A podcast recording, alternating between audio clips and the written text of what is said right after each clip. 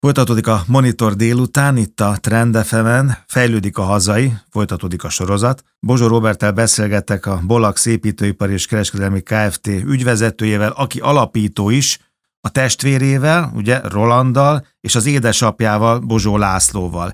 Egy majdnem 30 éves történetű cég, Érdemes egy rövid áttekintést adni, csak nekem az nem fér a fejembe, hogy akkor ő még kicsi gyerek lehetett, nem, amikor alapították ezt a céget.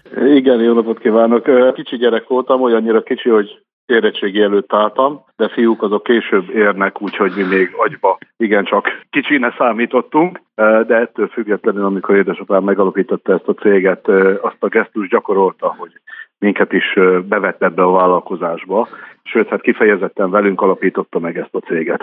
94-ben édesapjuk azóta nyugdíjas, de segíti a munkájukat, és akkor a két testvérrel viszik ezt az építőipari céget. Ha láttam, a fő tevékenységük generál kivitelezés, generál tervezés, építőanyagkereskedelem, főként a villamos szektort kiszolgáló építésmérnöki munkák, ezek nagyjából nem nagyon részletesen, de pontosan mit akarnak?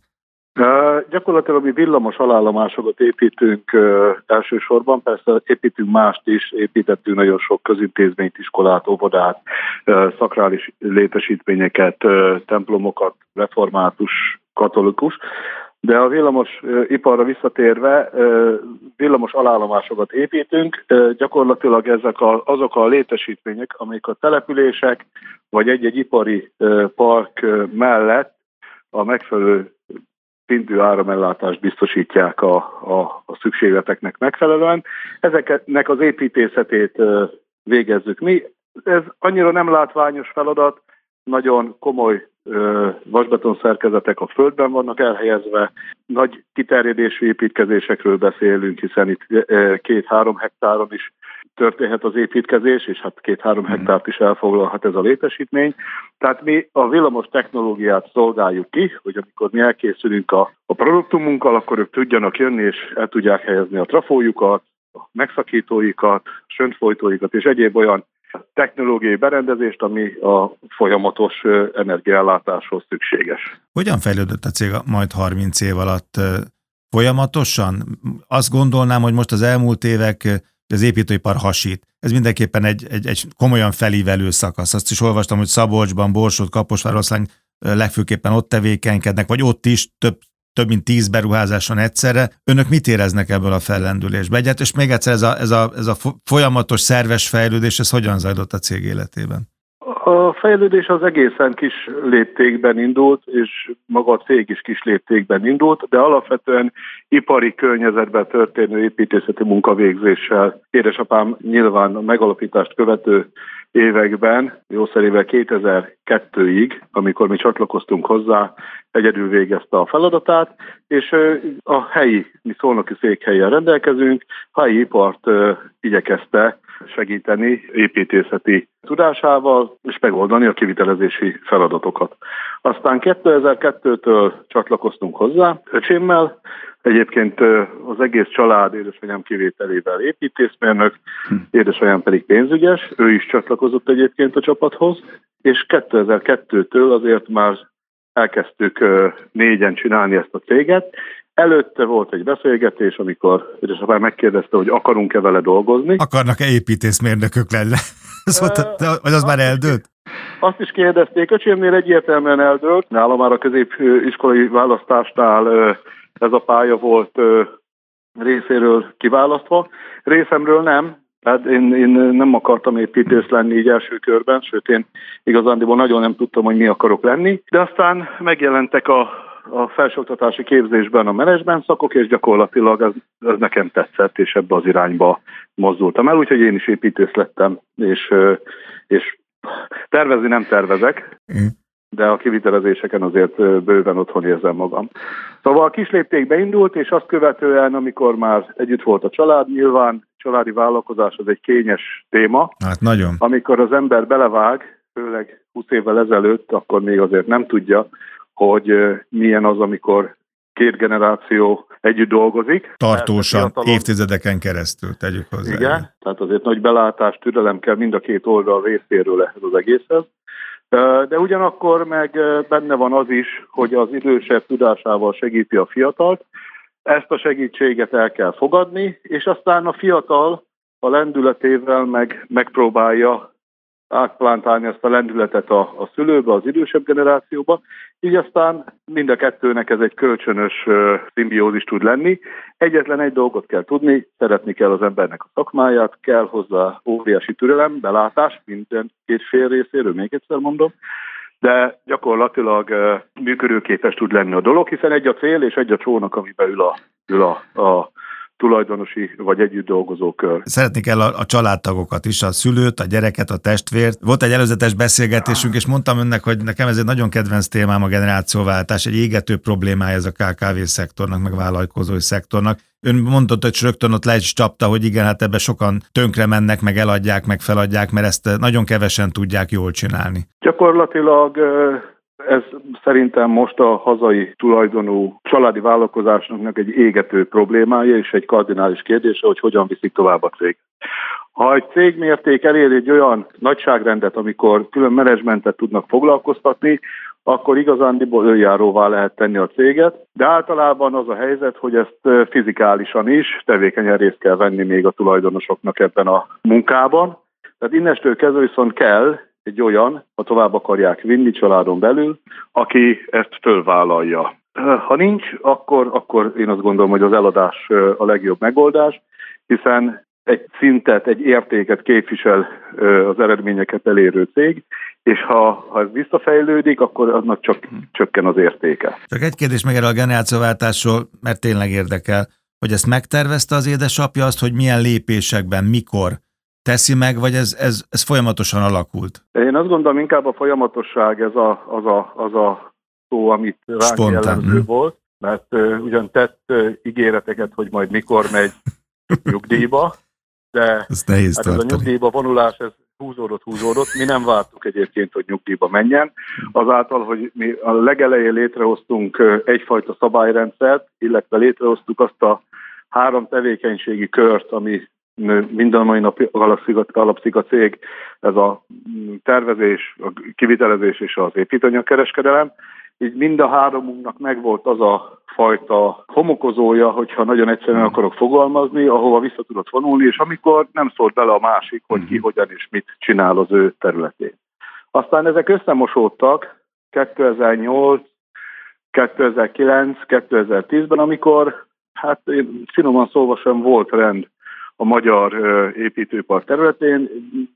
Csúcsra járt a körbetartozás, már úgy indultunk nekik a projekteknek, hogy vajon a pénzünket majd hogy fogjuk behajtani. És kénytelenek voltunk, hiszen mi egy, egyszerű elvek mentén gondolkodó család vagyunk, amit kimondunk a szánkon, azt igyekszünk tartani. Ha valami baj van, akkor elnézést kérünk. Ha hibázunk, elnézést kérünk. De hát irgalmatlan sok kintlévőségünk volt 2009-re, elvégzett munkák után, és hát be kellett hajtani, és ezt édesapám nem tudta, nem is akarta felvállalni, nem az ő világot. Ő az építkezéseken élte az életét, neki ebben volt biztonsági érzete, és a jogászkodás az meg más hmm. kérdés. Ezt én felvállaltam, és innestől kezdve, hát egyrészt behajtottuk egy-két év alatt az összes pénzünket, másrészt meg beragadtam a kivitelezésbe, és akkor kicsit átrendeződött a mi ö, kapcsolatunk. Egyrészt ugye a kor előadtával édesapánkat kifelé haladt a, a, a cégből, mi nekünk meg befelé kellett haladnunk, úgyhogy már öcsém is visz kivitelezéseket. Én nekem is megvan az én területen pont a villamosipar, amit én viszek, és aztán vannak átfedések, amikor, amikor közösen dolgozunk. Persze megmaradt a tervezés, de megmaradt a, az építőanyagkereskedelem is. Mondom a hallgatóknak, hogy a Fejlődik a hazai rovatban beszélgettek Bozsó Robertel, aki ügyvezető és alapító a Bolax építőipar és kereskedelmi Kft-nél majd 30 éves cég, sok mindent megtudtunk, és nagyon élveztem az eddigi perceket. Van egy aktualitása is a, a mostani interjúnak, jó, hogy most beszélgetünk, mert hogy, hogy január 19-től szerdától, tehát két nap múlva lehet ismét pályázatot beadni a technológia váltó támogatási program újabb 100 milliárd forintos körében, és ha jól tudom, akkor önök, tehát a Bolax, az már ebből a keretből egy előző hullámból már részesedett, pályázott és részesedett, és ezt nagyon klasszul forgatták be. A címnek megfelelően tudták beforgatni. Igen, igyekszünk pályázatokon részt venni, hiszen ez egy olyan segítség, amikor ha fejleszteni akar egy cég, és kénytelen fejleszteni, és nincs más útja, mint hogy fejlesztve egyre magasabb és magasabb szintre tegyük a mércét és magát a, a tevékenységi kört is. Sikerült nyernünk támogatást, mi egy lakatos acélszerkezeti üzem kialakítására pályáztunk. Ez az a igény, ami felmerült itt az elmúlt egy-két évben, ahonnan nagyon nagy a kitettségünk a beszállítóinknak, hmm. és igyekeztünk saját, vagy igyekeztünk saját kézbe venni ezt a tevékenységünket, és egy magasabb színvonalon, rövidebb határidővel kiszolgálni megrendelőinket. Úgyhogy egy, gyakorlatilag egy lakatos üzemet fogunk létrehozni. Ez az idei évnek a feladata, nyilván a beruházás elindul, úgyhogy idén évvégével, jövő év elejével ezt sikerre kell, hogy vigyük. Igaz, olvastam, hogy acélszerkezeteket fognak ott majd gyártani. Ugye most százan vannak, de ott újabb tíz munkahely létesül. Ami engem még jobban izgatott, mert egyikhez se értek, de ezt fel tudtam fogni, amit most mondok, hogy transformátorállomásokat kell elképzelni. Hatalmas beton cuccok, ugye beton Igen. teknők, kádak, és hogy itt már a mesterséges intelligencia, nekem volt egy olyan fél gondolatom, úgy jön be, mint a vonatcsineknél, meg a vonatkocsiknál, tudom, hogy abban is érdekeltek IC vagonokban, hogy ilyen szenzorok, érzékelők vannak, amik leadják a sinnek a, a jelet, és akkor lehet tudni, hogy melyik kocsit mikor kell kivenni a forgalomból, megelőzve a balesetet, vagy a, a komolyabb károkozást. Na most ezeknél a vasbeton kádaknál is most már szenzorok lesznek, ugye? És ezek jelzik, hogyha olajszivárgás van, vagy víz nyomásváltozás van, tulajdonképpen egy ilyen tudatos TMK lehetőséget továbbítanak, vagy adnak, információt adnak akkor a tulajdonosnak ezek és a szenzorok. És távon mindezt, és gyakorlatilag hmm. felügyeletmentesen. Összességében ugye itt bejön egy környezetvédelem. Ugye a trafó, mint olyan, egy izgalmatlan nagy mennyiségű olajat rejt magával, ezért is vannak ezek a vasbeton kádak, hogy egy meghibásodás esetén ezt a kifolyó olajat, ezt felfogja, tömegével felfolyó olajat, hmm. kifolyó olajat, illetve az olajszennyezést is, hiszen ez egy olajos csapadékvízrendszer társul, ami szűri és külön választva az olajat a víztől, gyakorlatilag a környezetszennyező anyagot azt megtartja. Itt jöhetnek be a szenzorok egyébként, és a szenzoros, ebben van előre gondolkodásunk, bízunk benne, hogy ezt is sikerre lehet majd vinni. Intelligens Ami... beton technológia, ugye? Ha most, most megtaláltam hát, itt a jegyzeteimet. Ez, ez egy terv, gyakorlatilag folyamatban van. Bízunk benne, hogy, hogy kreatív és hasznos az ötlet, ebben, ebben, ebben dolgozunk jelen pillanatban. Itt egy lényeg van, ugye mi egyben látjuk ezt az egész problémahalmazt meg a működési rendszert, ahhoz, hogy olajálló és környezetvédelmileg megfelelő legyen egy szerkezet. Most több lépésbe érjük ezt el. Célunk ezt lerövidíteni. Együtt gondolkozunk egyébként a beruházóval is itt ebben a tevékenységben, és hogy kontrollálható legyen ez a szenzornak, vagy a szenzoros technológiának a lényege. Meglátjuk, hogy ezt, ebből mi lesz, ez még kezdeti stádiumban van, de dolgozunk rajta. Csak egy percben, mi most a legnagyobb kihívása a Bolaxnál? Láttam, hogy a Covid-ot is sikeresen túlélték úgy gazdaságilag, mint, mint munkaerő tekintetében, nem kellett senkit elbocsátani, előre tudtak lépni, előre tudtak menni. Most 22-ben mi a legnagyobb kihívás egy, egy ekkora hazai cégnek? Jelenleg az, és ilyen helyzetben még nem voltunk, amikor előző évben megkötjük a szerződéses állományunknak a, a jelentős részét, és nem azzal kell kezdeni a január, február, március, áprilist, hogy lekössük azokat a kapacitásokat, amikkel rendelkezünk, és munkát nyerjünk. Most jelenleg az a feladatunk ebben az évben, és ebben az irányba indítottam el január 3-án a kollégáimat is, hogy azt a munkát, amit szerződést aláírtam, azt sikerre kell, hogy vigyük. Tehát nekünk most egy nagy kihívás van az életünkben, gyakorlatilag aláírt szerződéseink, illetve tavalyról áthúzódó munkáinkat az idén komplettírozni kell, és a meglévő, vagy az újakat pedig sikerre kell vinni határidőre. Ez most egy nagy kihívás. Mert az adott szó kötelez, ahogy azt mondta, ugye a beszélgetés Hát az adott szó kötelez, így van, és nem szeretünk magyarázkodni, tehát az nem, a, nem az én stílusom a magyarázkodás. Nagyon szépen köszönöm. Jó egészséget az édesapjának, meg jó munkát önöknek. Bozsó Roberttel beszélgettem, a Volax építőipes kereskedelmi Kft. alapítójával, ügyvezetőjével fejlődik a hazai. Köszönöm szépen. Köszönöm, minden jót.